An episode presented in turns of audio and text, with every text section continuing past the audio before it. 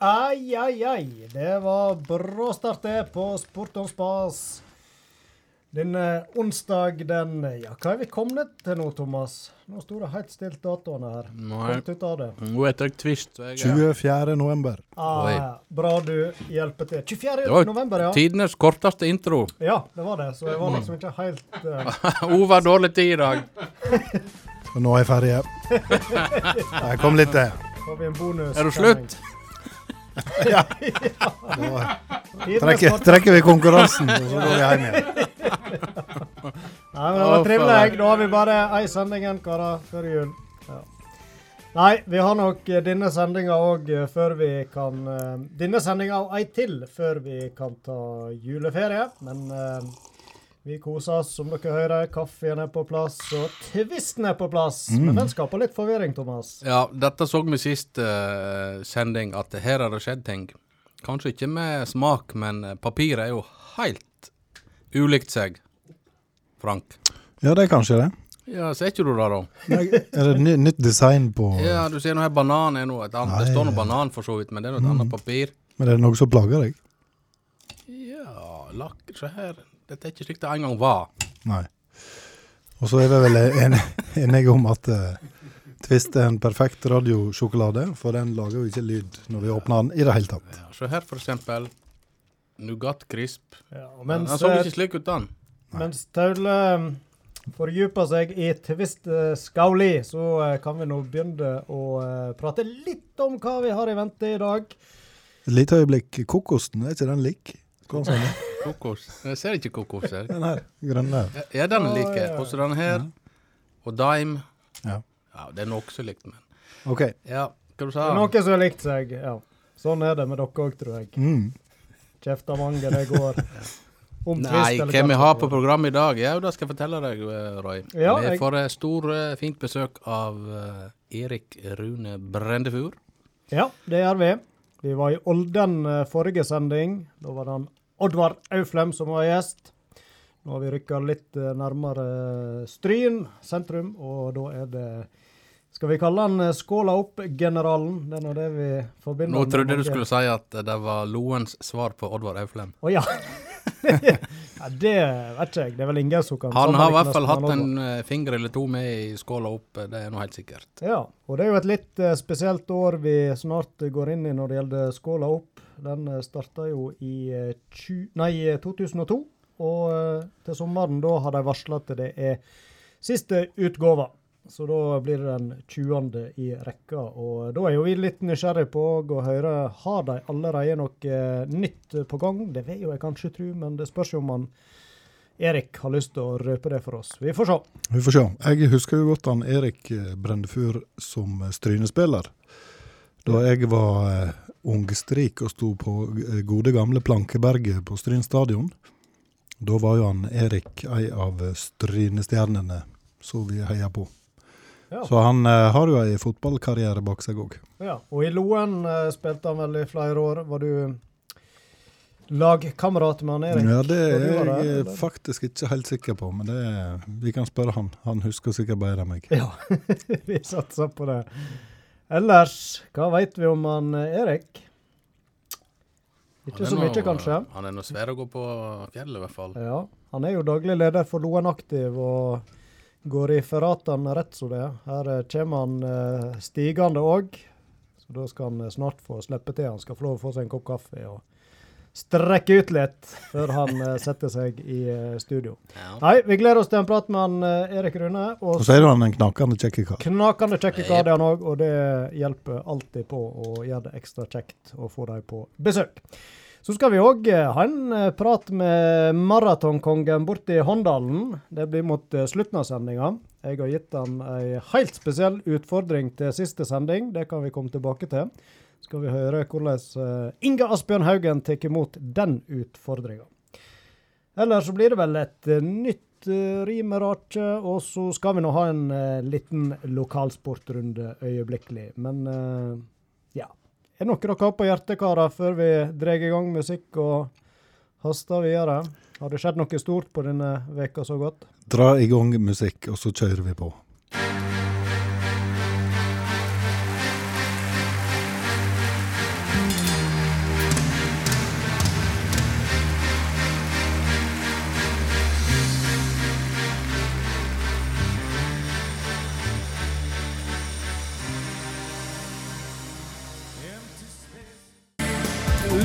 Lokalsportrunden. En eh, runde for deg som liker ja, lokalsport.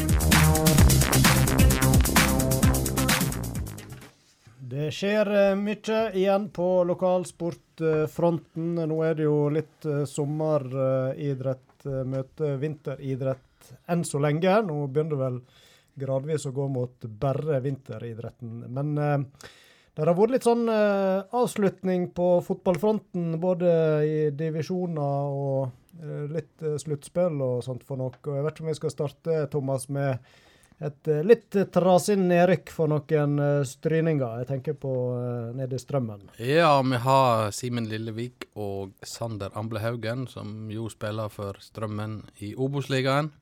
Ja. Tapte 1-3 mot eh, Grorud eh, i helga, og blir med det sist i Obos-ligaen. Ja. Og Det betyr nedrykk. Kjedelig, men sant. Tror du de blir værende der, eller har du en eh, Det tanke blir jo litt uh, spennende å se, da. Jeg kunne jo tenkt meg å sette han eh, Simen f.eks. i Sogndal. Ja. Spennende tanke. Så er det fram til et dybdeintervju med herr Lillevik i lokalavisa snart. Ja. Hva Han skjer må, nå? han må få nedrykket på litt på avstand. Mm. Han er jo en mann vi har hatt med i sendinga her for litt siden, og han har jo ambisjoner. Han legger jo ikke skjul på at han ønsker å nå så langt som mulig med idretten. Så jeg vil jo tro han kanskje sikter høyere enn andredivisjon. Det gjør han helt sikkert. Og at han er lokal, eh, er jo heller ingen ulempe. Mm.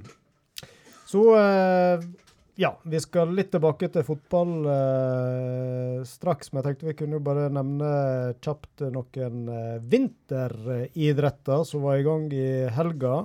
Hvis vi tar NM i kombinert, eh, så eh, var jo det for seniorene. Men eh, Håndalen har en ung og lovende kar som heter Torje Seliseth, 16 år. Og eh, de òg fikk lov å hive seg med i senior-NM kombinert. Det er klart det ble tøff konkurranse mot Jarl eh, Magnus Riiber. Magnus. I dag står det litt stilt der. Jarl Magnus Riiber. Har Roy hatt fri i dag? Ja, jeg har det. Så jeg er helt ute av drev. Og um, starta jo etter hopprenn eh, et stykke bak selvfølgelig Teten, men uh, han gikk iallfall gode langrenn på Beitostølen når uh, langrennsdelen ble avvikla i kombinert NM, og enda på sånn rundt 20.-plass begge dager. Så jeg syns iallfall eh, langrennsbiten var godkjent. Og så sa jo han Torje Seljeseth at eh, Midtstubakken, der jeg hadde hoppa, det var en bakke han ikke var veldig glad i. Så eh, vi får tro han får det enda bedre til i hoppbakken òg etter hvert utover vinteren. Når vi er inne på hopp, så må vi nå ta med Det var jo stor spenning i studio her når vi snakka om at han Anders eh, endelig skulle få prøve seg i verdenscupen igjen. Ja, det var jo eh, veldig kjekt at han eh, endelig ble tatt ut til verdenscup. Og det begynte noe sånn rimelig bra på fredagen, der han kvalifiserte seg til rennet på lørdag. Ja, det gjorde det. Han eh, var vel 26.-plass i kvaliken og brukbar lengde, og det så lovende ut. Og så kom han i første konkurransen, så uh, fikk ikke han det helt til å stemme i første omgangen. Ble uh, noen plasser bak for å kunne få med finaleomgangen. Ja, og søndag da røk han i kvaliken, så det er jo tydelig at det er kanskje et lite stykke å gå enda for han Anders. Og han har jo dårlig tid, for det er jo uh, OL om eh, tre måneder. Ja. Nå har ikke jeg eh, fått prata med han, så jeg veit hvor skoen eh, trykker når det gjelder hoppinga, om det er noe spesielt han må jobbe med. Men han får iallfall en ny sjanse til helga. Da skal han til Finland, bort i Ruka. Der er vel langrennsåpning og ikke bare jeg veit. Så der eh, er det det skjer denne helga. Så får vi tro at han får litt mer sving på sakene. Håndballdamene i fjerdedivisjon var til Høyanger og spilte kamp der i helga. Gikk på et femmålstap der, 26-21. Og da var det faktisk det andre tapet på rappen på noen få dager, for de spilte mot Gloppen nå her tidligere sist uke. Ja. Så da ligger jo de sånn ikke sånn veldig godt an. De ligger vel nest sist, faktisk, men så er det jo veldig jevnt der. Det er veldig tett der. Og det som er bra i fjerdedivisjon håndball for damer, er at ingen rykker ned. Det er gunstig. Ja, ja, i hvert fall hvis du er sist. Ingenting å tape, med andre ord. Nei da. Yes, det var eh, en del om uh, resultatene som vi har registrert for uh, veka som gikk. Men uh, du Frank, du eh, har fått med deg uh, avslutninga til Stryn fotball. Der er jo alltid en årsfest, og da er det jo enkelte spillere som blir gjort litt eh, stas på. Ja, det var jo litt prisutdelinger under eh, fotballfesten på Isahaug sist helg. Og etter å ha fått i seg eh, han Jens sine nydelige ribber, så eh, var det jo selvfølgelig tid for prisutdeling. Var du til stede òg, eller? Ja, det, det var jeg. Så du er et eh, troverdig vitne? Eller Ja, det, det var jeg absolutt kunne påstå. Det er bra. Um, Iallfall så ble året Se her, ja, nå er vi i gang med tvisten. Årets lagspiller ble da hun Emma Njøten for damene og Jørgen Trøsken for eh, herrene.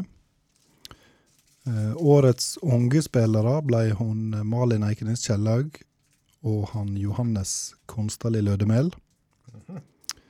Toppskårer i femtedivisjon menn var han Rasmus Skåre Kjellaug. Og for damer var det hun Emma Dorthea Lødemel. Og for Stryn i kretsligaen var det han Sondre Holmlund Ryasæter. Vet vi hvor mange mål det ble òg? Jeg er litt usikker på eh, han eh, Kjellaug i femtedivisjon, men det veit kanskje du, Thomas? Nei, han veit jeg ikke, men jeg tenkte på han uh, Ørjesæter. Han, han hadde vel ti. Han hadde ti, og hun Emma Lødemel hadde 15. Ja, og hun ble toppskårer i tredjedivisjon totalt. Mm. Ja. Sterkt. Og så var det da eh, årets spiller for dame var hun Sofie Njøten. Og for herrene han Trym Vatn Øvreberg. Så da var sesongen til Stryn fotball offisielt over. ja. Og det kan jo passe bra når vi øyeblikkelig går inn i desember, men det er ikke lenge før innendørssesongen begynner. og KM eh, Hva det heter Futsal? Ja, det er vel eh, ikke så lenge til, nei. 11. desember i Førde. ja, det er 14 Det er for senior, ikke det? Det er for senior. Ja. Yes, yes. Har vi vært gjennom lokalsporten da, Taule, du som er general på dette? Har vi vært gjennom det? Ja. Har vi glemt noe? Helt sikkert. Ja. da skal øyeblikkelig vi få dagens gjest i studio. Erik Brendefur han har meldt sin ankomst i Fjordingen-bygningen. Vi gleder oss til en prat, men først litt musikk. Og så kan vi jo òg bare minne om generalsponsoren vår i Sport om spa, som er Stryn Gastrobar. Hei, jeg heter Petter, og jeg elsker mandager. Men jeg elsker onsdager mer, for da er det sport und spas. Da eh, har vi fått eh, besøk i studio, og vi ønsker velkommen til Erik Rune Brendefur. Takk for invitasjonen Ja. til Sport og Spas. Det er stort. Trivelig å uh, se deg. Ja. Takk det samme. Ja. Og uh, Sist uke da hadde vi han Oddvar Rauflem her, og han hadde jo med seg eh, pose på pose med bøker og notater og resultatlister. Jeg vet ikke hva det var. Og Og bilder av kattugle. Kattugle, Bilder var det òg, ja. Men eh, du hadde nå med deg eh, litt i handa du òg her. Men Ja. litt mindre, da. Ja, altså jeg fant ut det at det er jo tøft å hoppe eh, etter Wirkola, da. Men det blir kanskje tøft å hoppe etter Oddvar Øyflem. Det er kanskje enda verre. Ja, det er ikke Ja, små strik. så for sikkerhets skyld tok jeg med skålabukka, da. Så Ja. et, eh, bakgrunnsmateriale. Ja, Ja. veldig bra. For det er klart, eh, skåla det er jo naturlig å kanskje begynne praten med. For eh, vi sa jo innledningsvis at eh, vi kaller jo deg eh, Skåla opp-generalen. Såpass må vi nå kunne si. Du har jo vært med og arrangert dette vel fra starten av, 2002.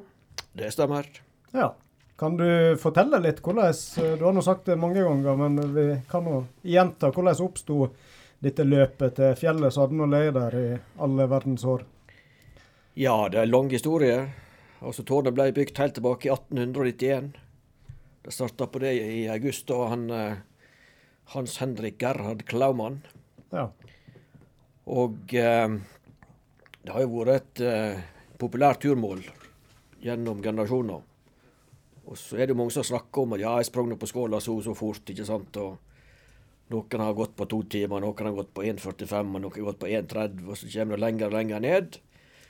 Og så koker det vekk. at Noen de starter lenger opp og tar tida, ikke sant. Og noen de stopper klokka når de tar pause oppi bakkene. Så det er mange måter å måle tid på. Så, eh, men det var jo eh, Altså, første gangen jeg eh, var på Skåla, var vel i 1990, da jeg begynte å jobbe i Loen. Ja. Og jeg husker jeg møtte på en lokal kar som nå bor på Lillehammer, Fridtjof Loen.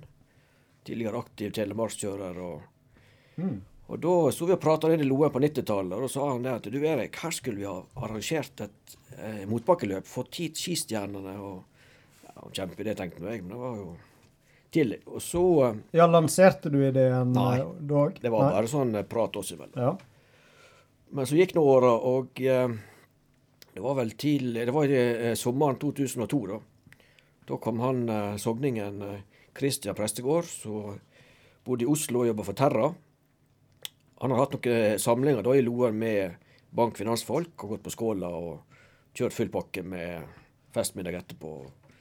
Så kom han til Rikard Grov og sa det at du Rikard, her må du arrangere et løp oppe på Skåla. Og Det var i juni, sommeren 2002. Jeg var opptatt med Flo Aktiv, var ansvar for det. Jeg var sportslig ansvarlig for fotballbiten der. Så fikk jeg beskjed av Rikard at uh, du skal være eh, leder for Skåla opp i august. Eh, ja vel. det var seks uker til. Den tok du på strak arm? Da, ja, jeg var litt skeptisk i starten da. Ja. Så var vi jo flere som delte på det da. Men vi satte i gang markedsføring, vi, og arrangerte første løpet da 17. august i 2002. ja.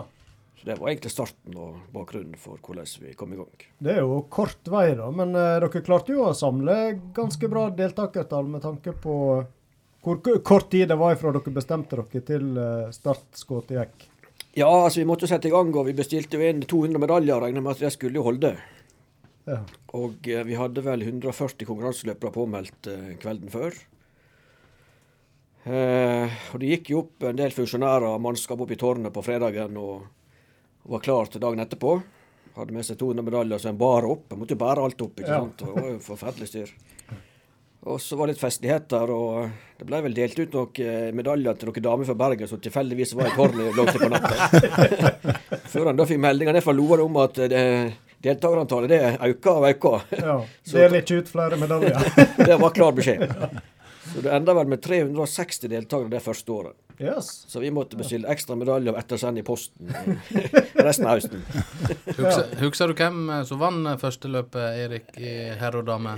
Ja, hvis jeg ikke tar feil, så var det vel Bjarne Næss, uten at jeg akkurat har sittet og pugga borti der. Bjarne Nes fra Sogndal er På riktig. 1,21 et eller annet. Ja, skal vi se her. Eh, første dame, det var vel ei fra Molde, langrennsløperske. Uten at jeg husker navnet på den akkurat nå, da. Det var Unni Ødegård. Unni Ødegård, ja. Ja, Hun sprang på Skal vi se En par og 30, tenkte jeg. 1.39,07. Ja. Og Bjarne Nes 1.20,03. Ja, jeg husker også Unni Ødegård. Hun skada seg på rulleski et uh, par år etterpå. Ble påkjørt på rulleskitrening. Oi. Hun var jo faktisk tremilsløper med i NM på på langrenn. Ja. Bare lurer på, Erik, når eh, du får to måneder å forberede et sånt løp på, hvordan eh, fikk dere eh, markedsført dere og fikk tak i ja, over 350 deltakere? Nei, altså På den tid så var det jo annonsering i Fjordingen og i Sunnmørposten og satse på lokale Mm. Firda og Bergens Tidende og sånn, og gikk litt ut med noen pressemeldinger og skapte litt blest om på den måten. Men det var stort sett vestlendinger da, fra Bergen og nordover som var med? Det har vist seg at eh, Bergen har jo vært et stort marked for Skåla opp. Mm. Så vi har vel kanskje hatt en eh, 30-40% av deltakerne fra Sogn og Fjordane og Hordaland, og flesteparten fra Hordaland, faktisk. De har vel et litt spesielt forhold til Skåla tårn òg. Det har de pga. historien, helt klart. Og så er det en del firmaer i Bergen som ofte legger det som en firmatur til, eh, til Skåla. Ja. Skal vi ta noen lokale resultat fra første løpet? Ja, la gå. Du har lista, du. Eh, damer 17 til 22. Kristin Hatledal Oi. 1.55,14. Og Agnete Skrede 1.57,33. Ja. Så har vi Anne Raftevold i damer 50 til 54. 2.17,13. Yes, det er sprekt.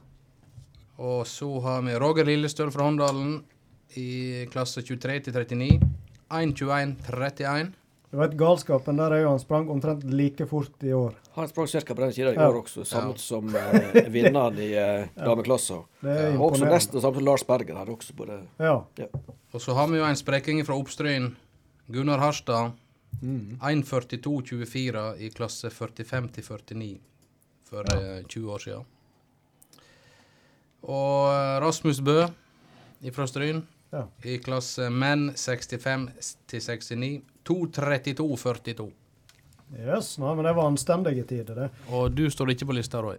Nei, da tror jeg jeg hadde en lang, eh, god pause. Ja, så jeg, jeg er også litt sjokkert over at Ove André fortsatt ikke var på skåla. Jeg har jo spurt han mangfoldige ganger, men han er tung å be. Ja, han, ja, han sitter nå her i bakgrunnen og styrer spakene i dag. Jeg vet ikke, kanskje vi kan eh, lure han fram på i det siste sjanse, for dere har jo annonsert nå at eh, nå blir det sannsynligvis eh, siste løpet til sommeren. 20. utgave. Ja, vi hadde jo ikke løp i fjor. og Dermed så ble det jo ett år utsatt. sånn at eh, neste år så er det 20-årsjubileum. Så da trakker vi til og skal forsøke å få med mange kjenneprofiler. Og eh, allerede nå, tolv dager etter at vi åpna påmeldinga, så er vi nå oppe i eh, 687 påmeldte i stad, tror jeg. Oi, det høres nå veldig nå- bra ut. Ja, så det er ganske bra på tolv dager. Ja. Jeg regner med en Jarle Flo er en av dem. Han har vel eh, sagt på lufta her at han skal være med på siste løpet. Han var med en del år på radio, og han imponerte veldig. Veldig gode tider, det gjorde han. Beste tida har vært ned på 1,28, da. har jeg fortalt det. Ja, det- Da var han jo, det var nesten så han innrømte sjøl han var fornøyd med den òg. Ja, Så det, ja, det var imponerende. Hva er, hva er rekorden på skåla opp, eh, Erik? For herrer så er det jo en tyrker. Ahmed Aslan. 1.07,06. Såpass, ja. Så Han, satt, ja, han eh, satte to rekorder. Først ett år og innkasserte 100 000. Og så kom han igjen året etterpå, så på klokka, jogga i mål og tok 100 000 til. Var det litt sånn som han eh, Sergej Bubka holdt på før i tida, Ja, i stavsprang? Mistenkte han litt for det, ja. Ja. Ja, Og så når det gjelder damer, så er det jo Anita Håkenstad Evertsen, kona til Frank Evertsen. 1.20,06. Og den tida er jo sett før Skålastid-prosjektet, før han lagde steintrapp oppover. Hvor mye tror du han har spart på det tidsmessig nå med bedre sti og Nei, altså vi anslo jo et par-tre minutter. For er klart, i gamle dager for du jo kava på alle fire på steinura opp fra vannet. Ja. Måtte leite deg litt mer fram sjøl. Ja. Ja. Men vi hadde jo også Jon Tvedt, som sprang før Skålastid-prosjektet. På 1.08,39. Steik. Den tida er jo nest... Ja, den er nå egentlig bare en Ja, strengt tatt så er han det. Ja. Men eh, vi var inne på det. God deltaking allerede første året med 360 med, og så har det jo steget og steget før det flata ut igjen litt, da. Ja da, det tok fort av. Vi var oppe i 600 andre året. Et forferdelig vær. Jeg husker Håkon Loan kom bort til meg etterpå og sa at du, vi må gjøre et eller annet med stien. Vi må lage litt steinkloppe, for det, det ble litt nedtrakka. Og det var vi helt enig i. Ja.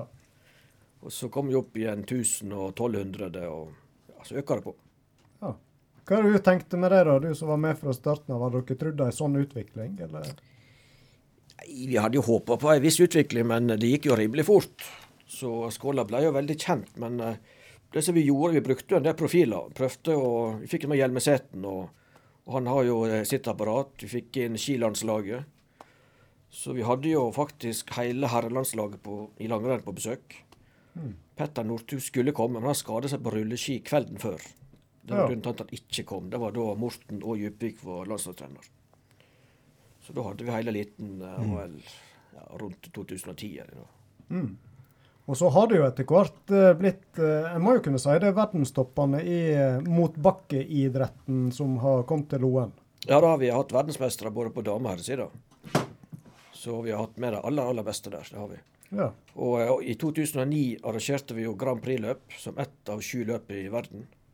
Så da var det sånn karusell der en eh, fikk en sammenlagt premie. Og da hadde vi også dopingkontroll. Vi var pålagt å leie inn uh, Antidoping Norge. Ja. Så de tre beste damene og tre beste herrene de fikk eh, hver sin ledsager på toppen. Ledsageren skulle følge eh, personen, eller eh, deltakeren, helt ned til Alexandra, der de skulle avgi dopingprøve. Snakk om å gjøre det vanskelig. Men det ble gjennomført. Til punkt og prikke. Så det gikk greit. Toppåret for skåla opp. Du nevnte et tall her eh, før vi gikk på lufta. Ja, vi var på topp i 2014. Da hadde vi 1935 som fullførte. Og vi har hele veien oppgitt fullførende. Altså, det er jo mange arrangement som oppgir hvor mange som har påmeldt. Men da var vi sikkert langt over 2000, kanskje nærmere 2500. For det, det er klart når du melder deg på høsten før, så er det ikke alltid at det matcher i august at du har tid, eller at du er der det skal være. Så det er en del som dessverre ikke møter opp. Det er det. Men uh, 2014 var toppåret, og da var det skikkelig yrende folkeliv oppover fjellheimen mot Skåla. Og så har det vel stort sett gått uh, fint, altså med tanke på så mye folk opp i fjellet der. Og har vel vært forsvinnende lite hva skal vi si, skader og ulykker. Ja, det er klart dette la vi vekt på helt fra starten av. så Vi fikk jo med Ålla Røde Kors som en viktig bidragsyter. Så de har jo stilt på med en eh, 25 personer hvert år.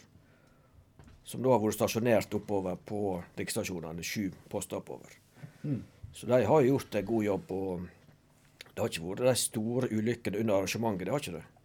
Litt eh, vrikking av ankler og litt kneall, kanskje vårt armbrudd.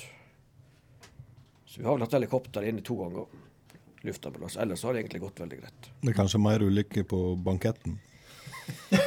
Ja Vi hadde jo ett år. Det var noen som Så jeg tror jeg brukte 14 timer opp og ned. Oh, ja. Og da kom de jo ned lenge etter det var blitt mørkt. Vi måtte jo sende opp folk og møte dem. Og Røde Kors måtte kjøre opp gjennom skogsveiene for å møte dem. 14 timer brukte de. Så eh, de skulle fullføre. Starta ved klokka åtte om morgenen og kom ned igjen klokka ti om kvelden. Ja. Så nådde akkurat banketten. Litt seige bankett da, kanskje. Ja. Nei, men det gikk greit, det òg. Så eh, all ære til de som fullførte. Og da spør jeg da, Erik, hva er persen din oppe på skåla, da?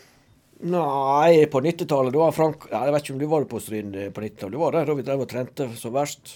Mm, Ja, da vi sprang ut på gamle grusbaner. Ja, da vi hadde, altså Det var en gang i vekka, det var 60-100 meter, uansett vær. Ja, jeg var med på Det det. var en halvmeter snø, vel, om det var Oi. blanke is med ispigger, så var det Det var standard. Steinar Ringdal var trener. Da ja. Da eh, var det en, en dag jeg forvant meg på at nå skal jeg prøve å springe på skåla så fort jeg kan. Og jeg kom ned på 1,41. Det var, jeg var uten sekk fra parkeringsplassen. Kjempemessig. Men da var jeg nok eh, en kilo lettere og noen år yngre. Nei, men det kan du være stolt av. Ja. Men det er jo en del lorer som har gode rekorder. Mm. Det er faktisk Ole Dag og Kai Roger. Ja. Hva er det som eh, Hva er beste lokale Vet du det? Har du oversikt? Hvem Jeg har ikke det akkurat her, men eh, Kai Roger Det var Bjørn Helge Skal vi se Bjørn Haugen og Han også hadde veldig god tid der, så mm. Men det, eh, det som har vist seg, er at det er jo egentlig veldig få lokale eh, deltakere. Ja. Altså Det er han eh, Roger Lillestøl som har vært oppe i- litt på toppen. Men ellers så er det lite lokale, både i konkurranse og mosjon. Så det er litt mysterium hvorfor så få deltar på arrangement. Det kan jo være at de går ellers i år, da selvsagt. Men skulle gjerne hatt enda flere lokale på, på Skåla opp Mm. til neste år.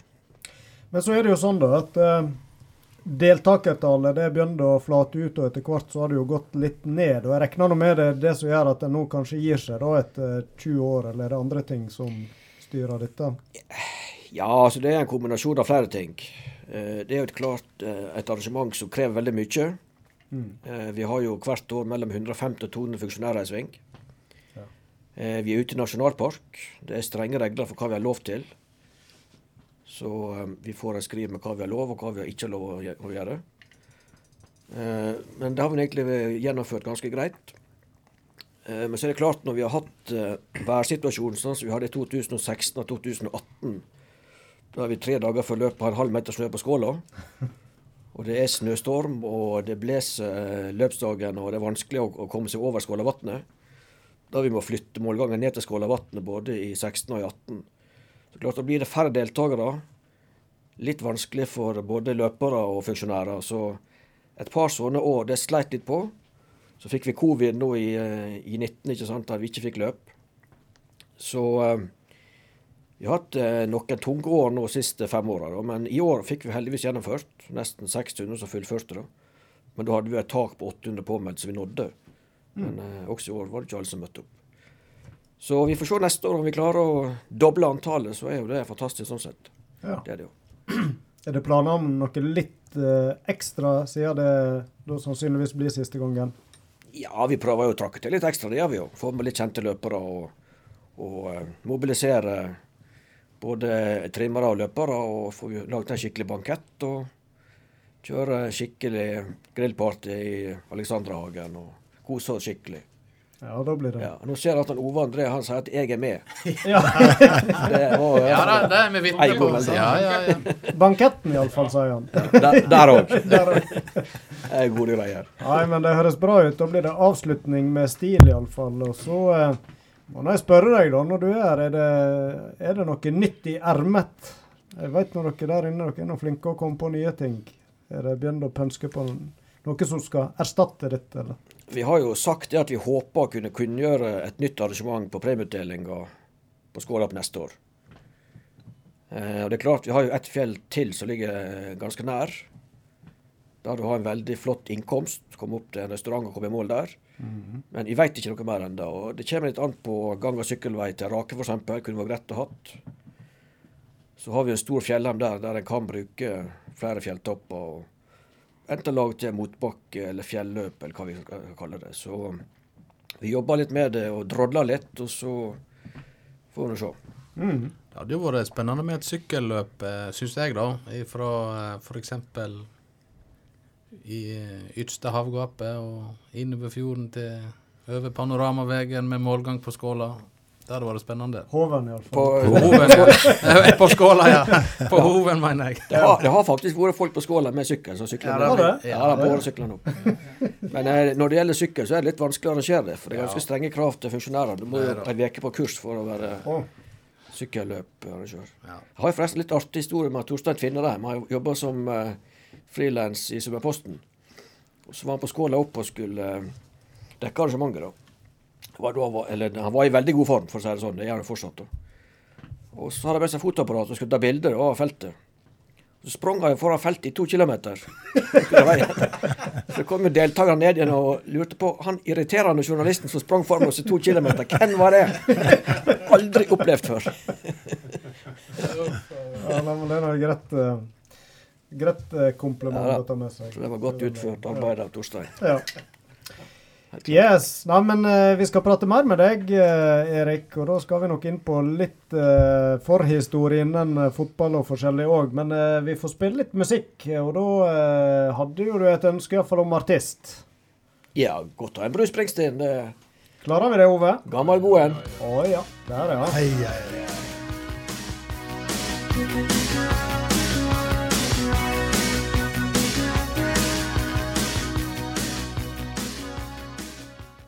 Det var Bruce Springsteen, det. Da fikk han eh, Erik eh, ønsket sitt, og det var nå ikke det dummeste. Vi har nå han eh, Frank Holer. Han er nå stor fan av Bruce Springsteen òg, så han koste seg godt, så jeg.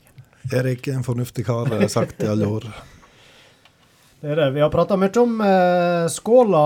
Etter hvert eh, tenkte vi kunne prate eh, litt mer om eh, fotball og andre ting, Erik. Men du nevner Skålasti-prosjektet, og det er jo noen dere samarbeider tett med da i forbindelse med arrangement òg. Kanskje du kan si litt om eh, hva det Skåla Skålasti-prosjektet Ja, det starta vel egentlig i 2007. Da, ja, unnskyld. Det, det starta i 2007. Da kom det et stort snøskred ned under eh, Fosdalen. Og jeg tok da brua som går over Skingla. Og Det ble oppdaga seint i mai om at brua var vekk. Wow, hva gjør vi nå? Vi skal ha skåla opp i august. ja, det var ikke bare bare. Nei. Men Rikard Grov han var kjapp på ballen. Delegerte det videre da òg. Ja, snakka med Rune Holen og sånn. Og, og eh, vi fikk jo sendt inn Det var jo sånn naturskadefond og sånne ting.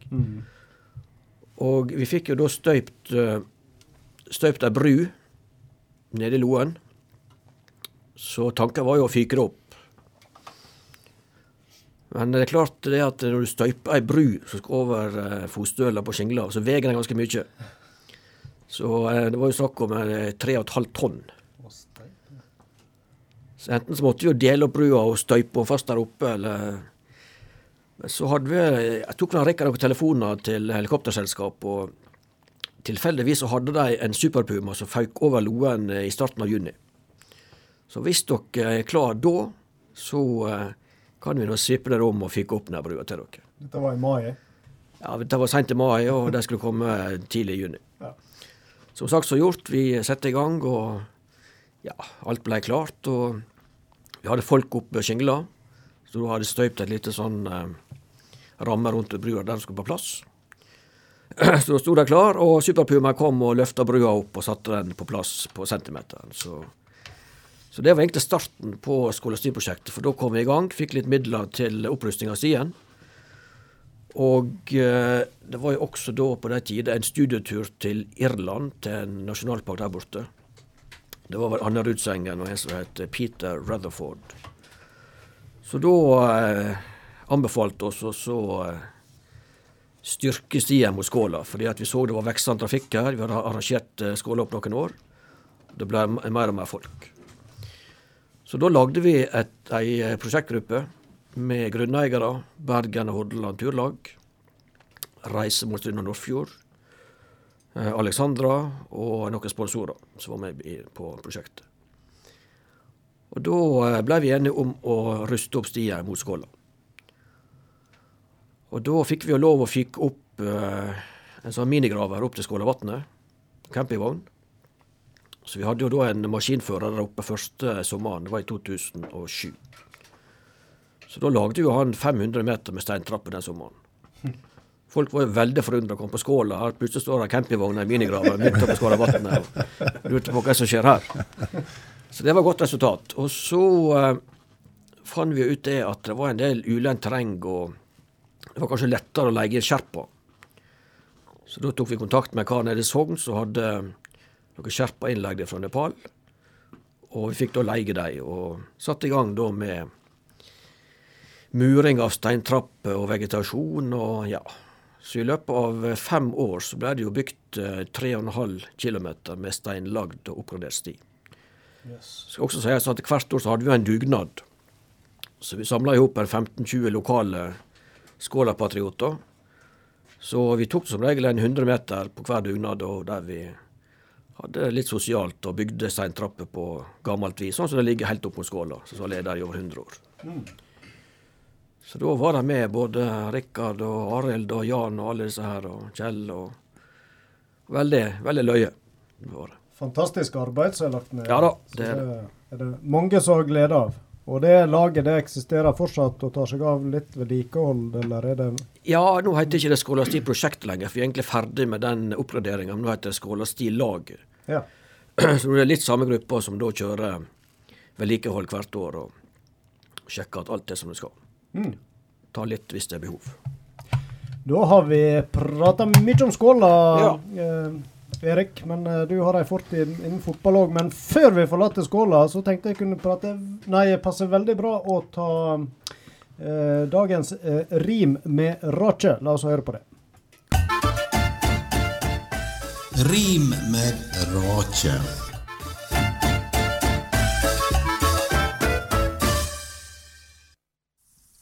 Skåla. Du skåla som strekker deg opp og gjev terapi for ein menneskekropp, der ørna får leve fritt og observerer kvart eit skritt, der alle er like, same fra kva land og rike.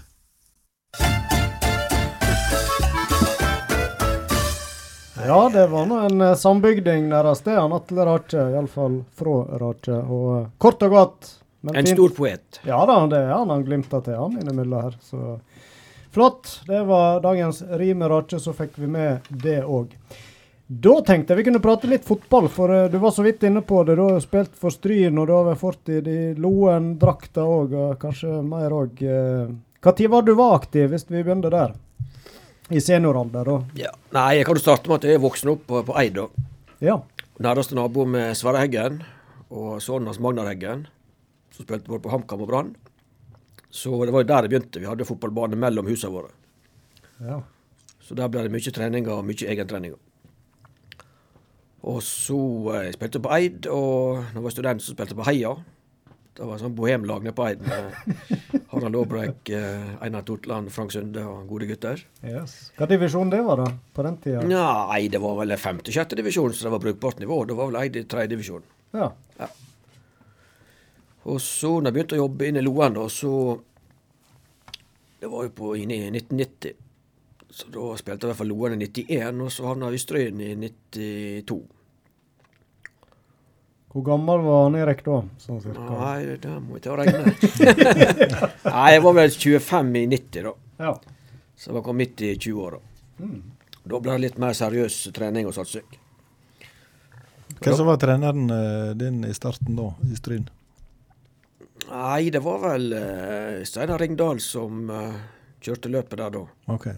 For jeg var tre år i Stryn, så var jeg tilbake igjen tre år i Loen som spillertrener. Så var jeg tre år i Stryn igjen, og så var det tre år i Loen, og så var det i Stryn som Stryn 2-trener. og Så det var litt sånn uh, skytteltrafikk der. Mm. Ja, Det var det jeg sa i innledninga her, at jeg husker eh, Du husker vel gode gamle Plankeberget på Stryn stadion? Ja, ja.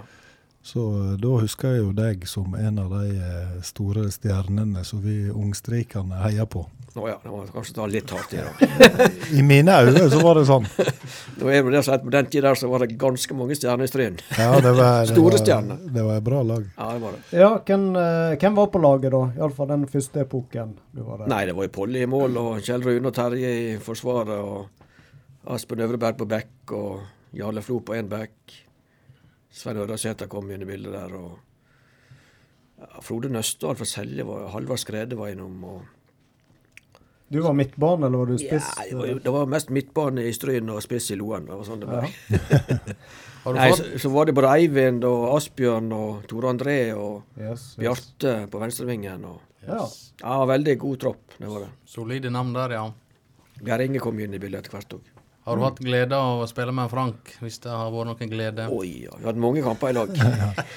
Jeg husker du nevnte jo disse her treningene ute på gamle grusbanen når vi sprang i sørpe og alt mulig slags eh, veier. Så det er noe vanskelig å glemme akkurat det, da. Ja, det var tøft. Da hadde vi noen kondisjonstester i Strynhallen, husker jeg. Sånn her eh, piptester. Ja, det var denne Arsenal-testen, piptesten. Mm.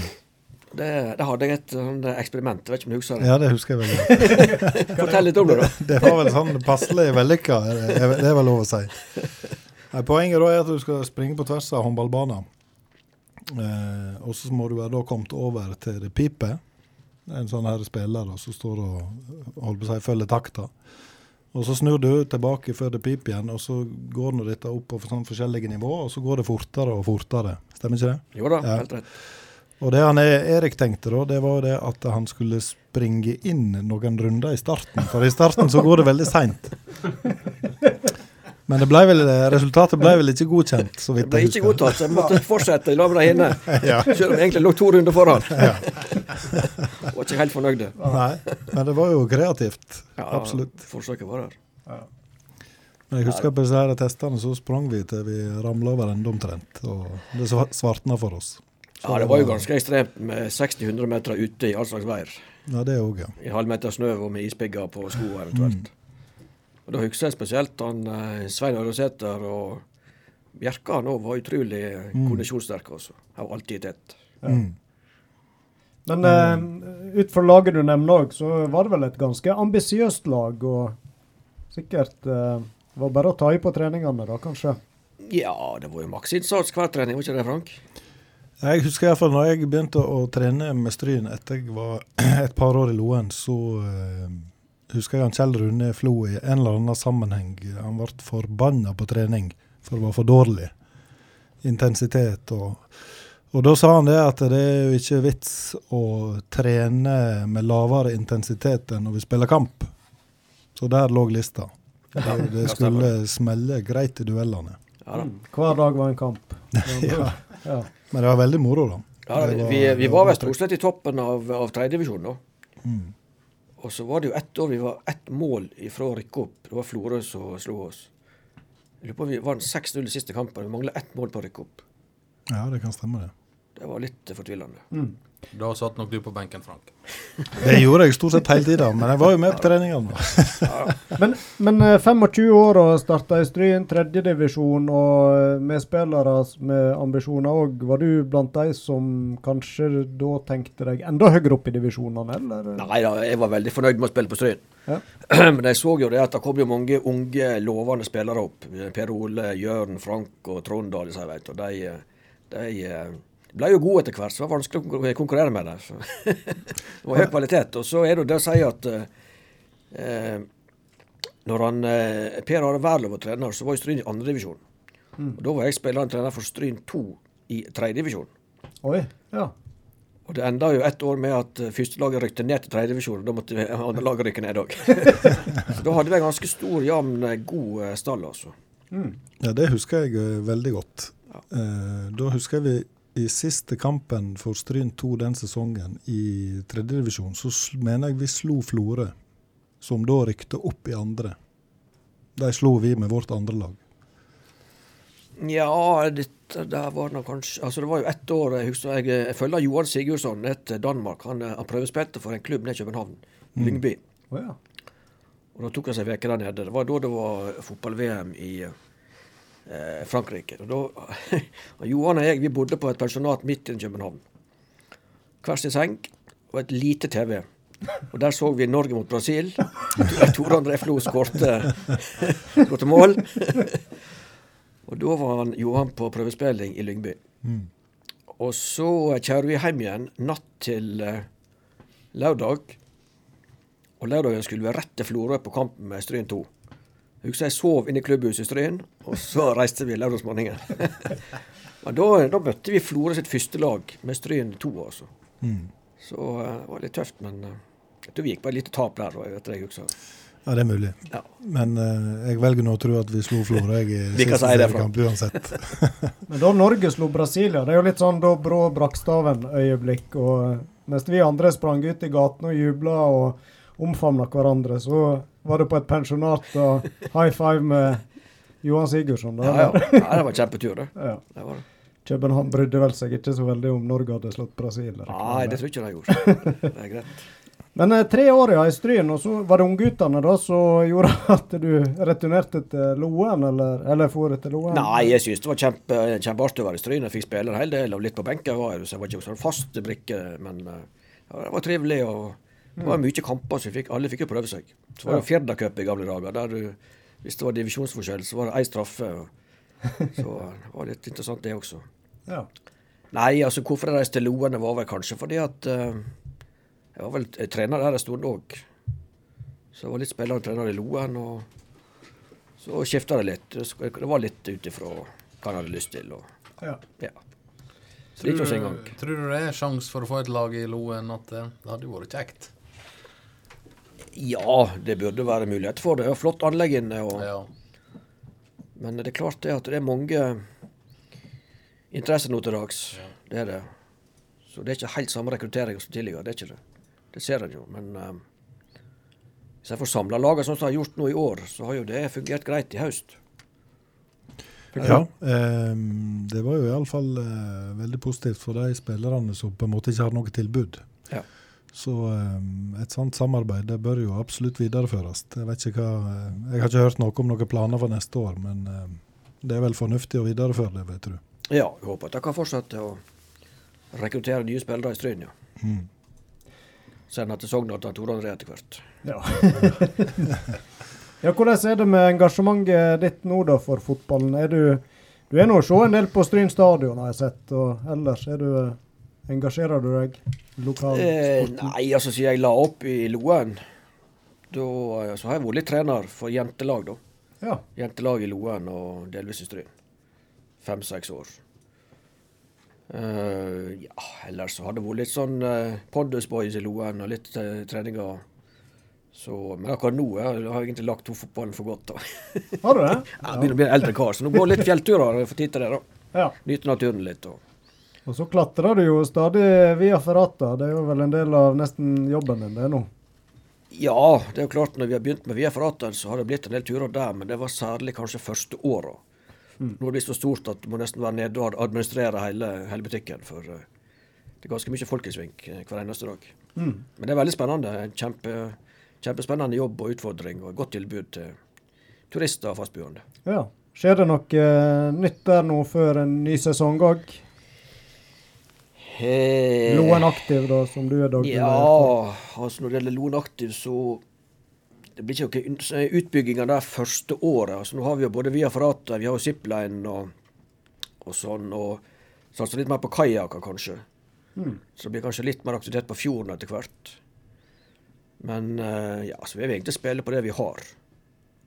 Og kanskje bli enda bedre på det og lære opp enda flere guider. og nå har vi vokst ganske bra de siste par åra, sånn at vi må egentlig bare prøve å holde nivået så godt som mulig. Hvor mange kan de ha i Viaferratan på en dag? Nei, det bestemmer vi jo sjøl, sånn sett. Men ja. det som vi vanligvis har, er 120. Da er det fullt. Ja. Men det er jo dager vi har både 150 og 160 med guide. da. Og så er det som leier utstyr på ettermiddagen, så på en god sommerdag så er det fort en 250 personer som går gjennom løypa. Det er det. Yes. I alle fall.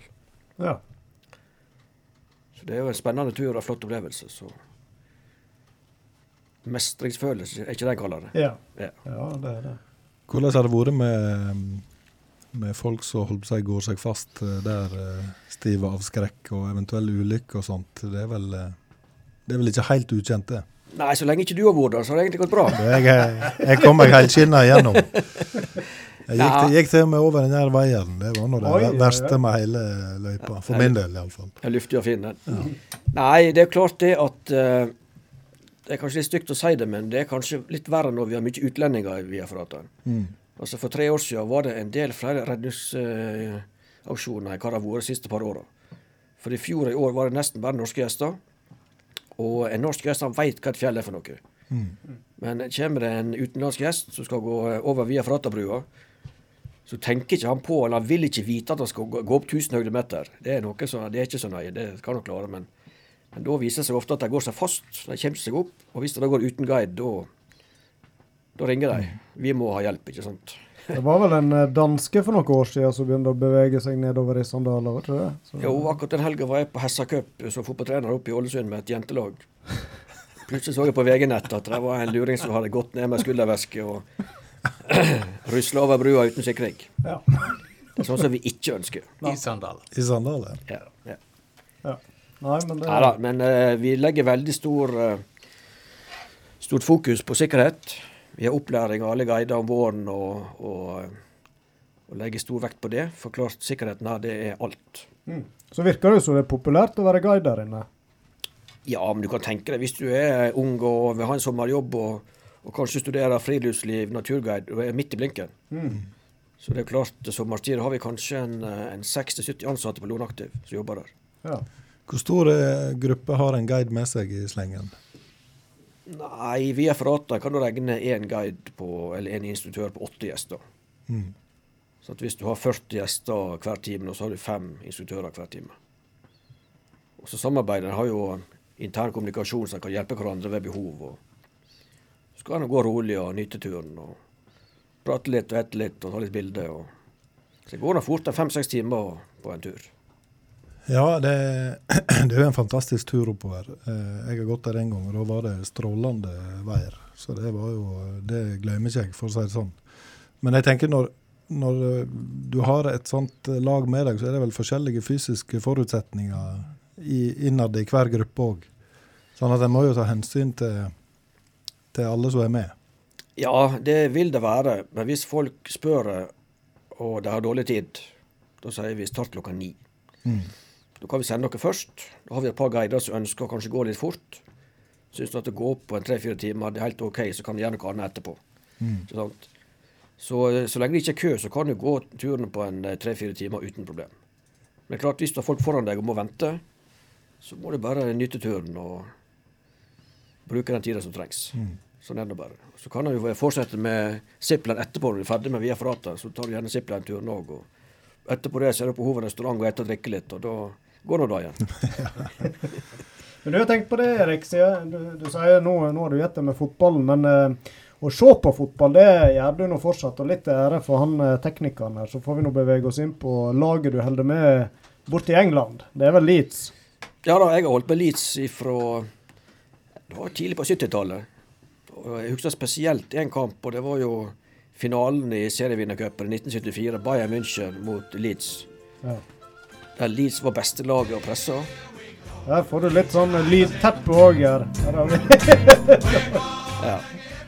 Og dessverre tapte 2-0. Det var jo feilaktige annulleringer og offside og forskjellig. Så det satt dypt inne. Og etterpå det jeg har vært ihuga Leeds-supporter. jeg, og Ja. Det har vært mange tunge år. Vi var jo nede i championship og helt nede i league one. Jeg var faktisk på Ellen Road og så en kamp i league one. ja. Hvordan var det, da? Ja, Leeds vant, vi var fornøyde. Ja. Men det, det var jo fulle tribuner selv om en var på nivå tre. Ja, på nivå tre så var det jo oppimot eh, 30 000 tilskuere. Det er jo helt fenomenalt. Ja. Så det er jo fantastisk. Litt sånn som så, Fredrikstad i Norge også har ganske mange tilskuere. Men, men når du er først på kamp og sånt, så eh, tenker du over hva nivå det er, eller det betyr kanskje ikke så mye der og da, iallfall. Ja, du ser jo litt på kvaliteten, og vi så jo det at det var litt som spark og spenn. og Det var ikke det helt store, men det har jo kommet seg, og Bjelsa har gjort en spennende og god jobb. Men det var ikke helt vond cup heller. Nei, jeg har vært med på Vomcupen. Ja, det litt, litt mer spark og spenn og spring og ja, eh, Leeds var jo veldig artig å se på i fjor. Ja, i fjor var det nyopprykka og full av entusiasme og pågangsmot. I år har fått litt skader på sentrale spillere. Ja. Klart, eh, nå er Rafinha ute, Rodrigo er ute, Bamford har vært ute, Eiling har vært ute, og Koch har mista opp og vært ute. Da blir det tynt når du har innbyttere på benken som er 17-18 år og ingen har spilt en Premier League-kamp før. da uh, røyner det hardt på, så vi sist søndag mot Tottenham. Ikke sant, Ove André? Ja. Nei, Ove, det er mange mandagene har vært eh, tungt i sinns. eh. Ja, da. Nei, men vi ser oppover og håper det at det skal eh, løsne litt etter hvert. For uh, Satser på det. ha et spennende lag og dyktig trener, så Men nå er det jo snart januar, og overgangsvinduet åpner. Kommer Leeds til å bruke det godt, tror du? Ja, Da er vel ikke Leeds den rikeste klubben foreløpig, da.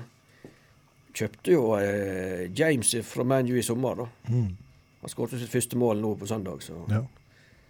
Så nei, jeg tror ikke vi har akkurat har muligheten til å kjøpe de største stjernene, for det er jo helt hinsides uh, business sitter der. Men, men hvor ihuga supporter er du? du? Du får med deg alle kamper, og det påvirker litt humøret i starten av veka òg, eller? Nei, jeg tar ikke helt ut sånn sett. Altså, jeg eh, overlever selv om vi taper, men eh, jeg eh, holder med Leeds og syns det er veldig veldig hyggelig når Leeds vinner. Da har vi en god dag. Mm. Men du planlegger dagen litt etter hva tid kampen går, da? Det er klart. Det Vi er der, iallfall. Sånn er det bare. Ja, ja, ja. Det har vært veldig trivelig å ha besøk av deg, eh, Erik. Her har vi fått prata både om eh, skåla og eh, tida i strynedrakta og Loen, og så ble det litt Leeds på tampen òg. Eh, Frank Ol bruker alltid å brenne inne med et par spørsmål på slutten, og så holder vi det gående i 20 minutter. Jeg vet ikke hvor det Når jeg begynner å si nå er det på tide å avslutte, så er- kanskje det- på Det er Liverpool-kamp i kveld, så Ja. vi må oh, ja. fatte oss i korthet. Tenkte faktisk å se på City mot PSG. ja, Vi får se. Ja. Det er et alternativ, det òg. Men ikke for meg. Ikke for meg heller. Hvem som er bitreste motstanderen til Leeds, da? Nei, det burde kar rett oppå for meg, som holder med Liverpool, vet du. Så han er, Å ja, det blir det. det, blir det. Ja, det er heftige oppgjør, det. Ja da. Nei, Det men bruker altså, å være morsomme kamper, da. Det er jo sånn med Leeds at vi er egentlig veldig fornøyde hvis vi bare får ett poeng, eller kanskje tre. Så akkurat hvem det er mot, er ikke så viktig. Vi er ikke der oppe ennå. Men Om et år eller to, så kanskje vi kan Du har mye å lære du, Roy Aron. Hjelp ja, meg. ja, ja, ja.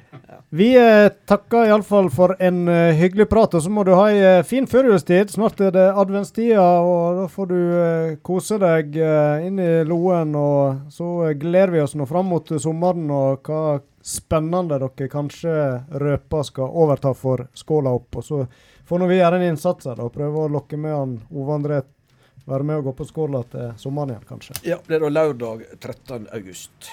Yes! Notert. Det er notert. Yes. Veldig bra. Vi skal melde på han Ove André rett etter sending. Takker. Sport og stas er helt konge.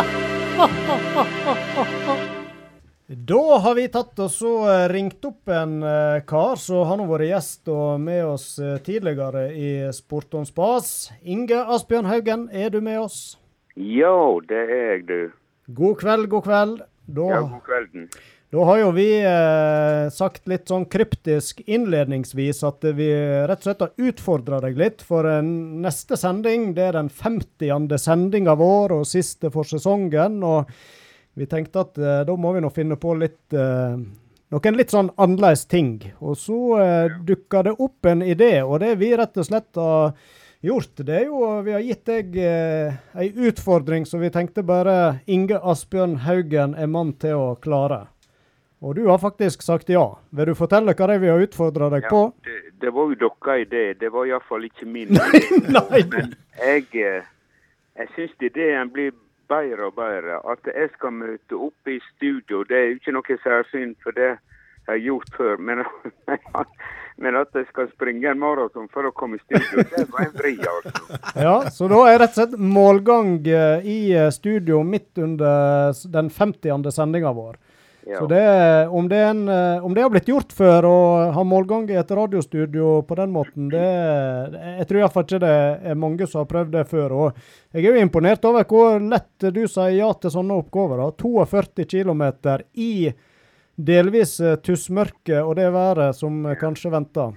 Jeg forsto det slik at er 42, det, det ideen var tenkt på, det skiltet som står oppe på Gjelje. Ja, vi tenkte jo først eh, altså gjelde eh, Eid. Gjelle Eh, på Eid, ja. Ja. Ja, veiskifte over i Eid. Så Ja. Der er en kjær folk står. Men så kom jeg til å tenke på enn om en bruker panoramaveien, selv om det er en, en smule tøffere trasé. Ja, men da får du nye Blaksetunnelen, veit du. Tenk på det.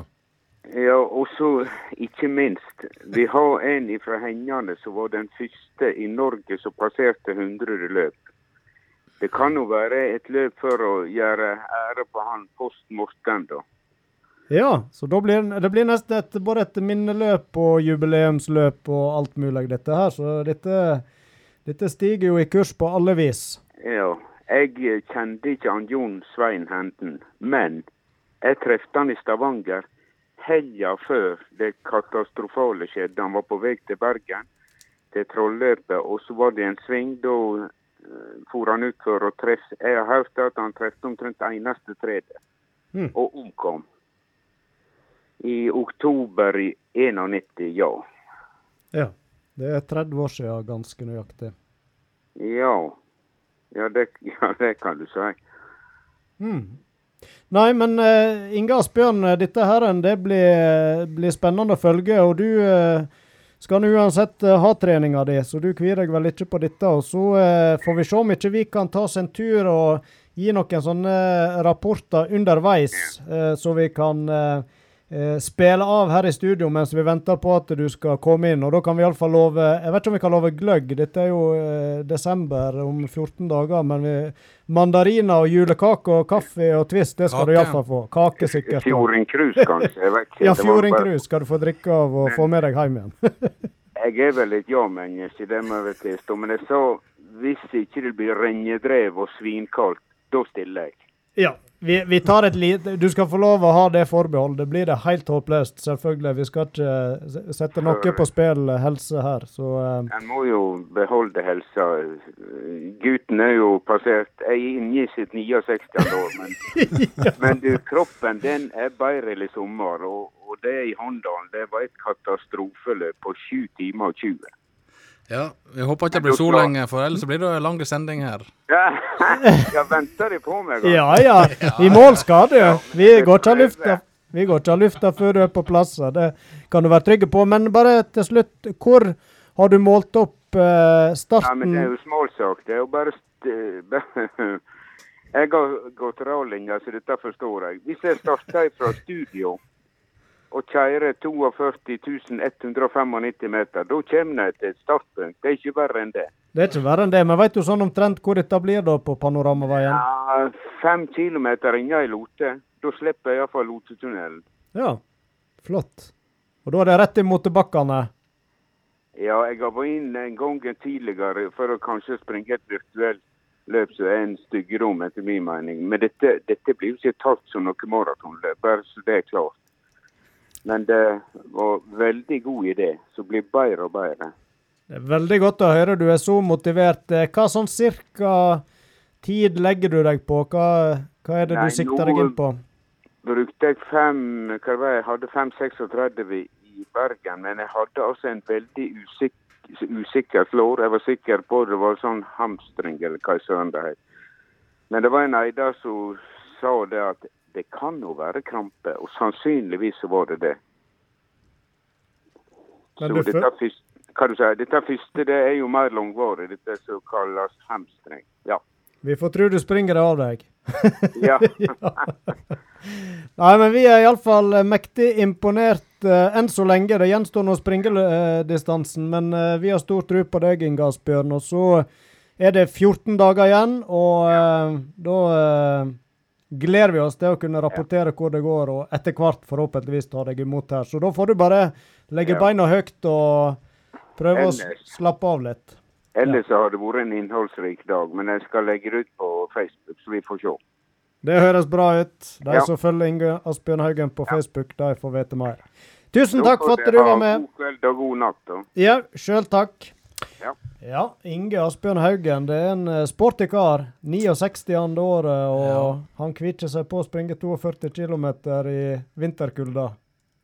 Hva du sier? Vi har en Erik her fortsatt Ja. i studio. Hva du sier til utfordringa Det er jo, imot? det er jo slekta di, fikk vi vite. Ja, det er onkelen min. Ja. Det er jo det. Og- Galen mann. Ja, han eh, lokka meg faktisk til å springe maraton på 80-tallet. Du har gjort det, Så jeg sprang Oslo Maraton og Drammen Maraton i lag med han. Ja vel. Ja, da. Men det var jo i flate joggesko uten noe demping på. Så Det, det sa tid. det var tung den siste mila. ja, det skjønner jeg godt.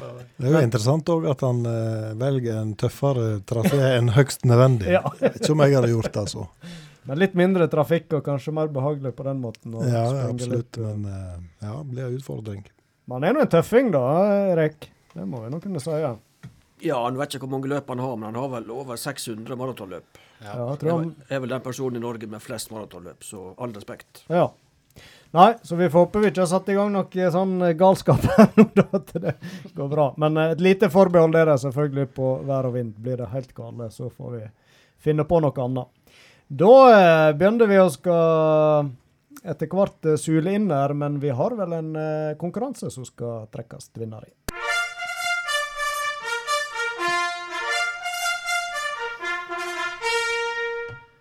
Vi hadde konkurranse gående inntil eh, for en liten halvtime siden. Da hadde vi lagt ut et bilde fra en stadion i eh, vårt kjære fylke. Og du, Frank, tok vel den på strak arm. Det var Selje stadion. Du skal få en sjanse til. For Saugarden. Der var Haugarden, ja. Det stemmer. Og vi fikk en god del svar. Og eh, da er det vel rett og rimelig at vi har ei Strømsgodsetrøye i premie i dag. Rett og rimelig. ja. Rett og rimelig. Ja. Bortedrakt. Den er fin. Meget pen eh, drakt, altså. Ja. Den er hvit, så på avstand så kan nå den bli tatt for ei Sogndalsdrakt, kanskje. ja. Det står ikke Lerum på den, vet du. Nei. Nei. Men eh, nok om det. Vi har jo gjort det til tradisjon at vår gjest får lov til å trekke. Mm. Og jeg syns Erik skal få lov til å trekke vinneren av eh, godsedrakta. Og han har sagt ja til å gjøre det. Så eh, vær så god, eh, Erik. Det, Å, det var mange lapper oppi ja, der. ja, ja. Ja, det. Så navnene på, eller? Det gjør det. Skal jeg lese det opp òg? Ja, det kan du gjøre. Kan være vanskelig å forstå. Sier vi av erfaring. ja. Ja, det er et uh, trippelnavn. Pål er først- fornavnet. Espen? Espen Trøsken. Ai, ai, ai, ai. ai. Det tror jeg er en ny vinner òg. Ja, Vi har jo noen gjengangere, men dette var tror jeg må være et nytt navn. Det er jo litt ekstra kjekt. Kjempeflott. Da ble det godsedrakt på trøsken. Skal tro om han har noe forhold til godset, som denne traff godt. Ja, han er nå glad i fotball, iallfall. Ja. Det får duge. Fine tredje er det uansett. Ja. Da eh, tror jeg vi rett og slett eh, skal avslutte, så kan karene reise hjem og få se fotballkamp. Så er det jo sånn, da. Vi er tilbake igjen om 14 dager. 8. desember. 50. sendinga. Siste for sesongen. Og da pønsker vi vel på en litt annerledes sending, og som vi var inne på, så skal vi òg få et lite stunt der med han Inge Asbjørn Haugen, som skal springe i mål etter å ha sprunget 42 km maraton. Så da gleder vi oss. jeg, jeg har nå for øvrig sagt meg villig til å følge han eh, siste delen av løpet fra bunnpris og inn til Fjordingen. Men jeg kjenner litt i en lyskestrekk, så det kan gå i vasken. Ja, ja. Jeg har mer trua på at han Inge Asbjørn springer de 42 enn at du er med på, på og bort derfra. Greit. Vi sier takk for oss. Mitt navn er Roy Aron Brennvik Myklebust. Vi sier tusen takk til dagens gjest, Erik Brendefur, Inge Asbjørn Haugen. Tusen takk til tekniker eh, Ove André Årskog ved min venstre side. Thomas Brendefur. Og ved min høyre side. Frank Rune Brendefur. Ai, ai, ai.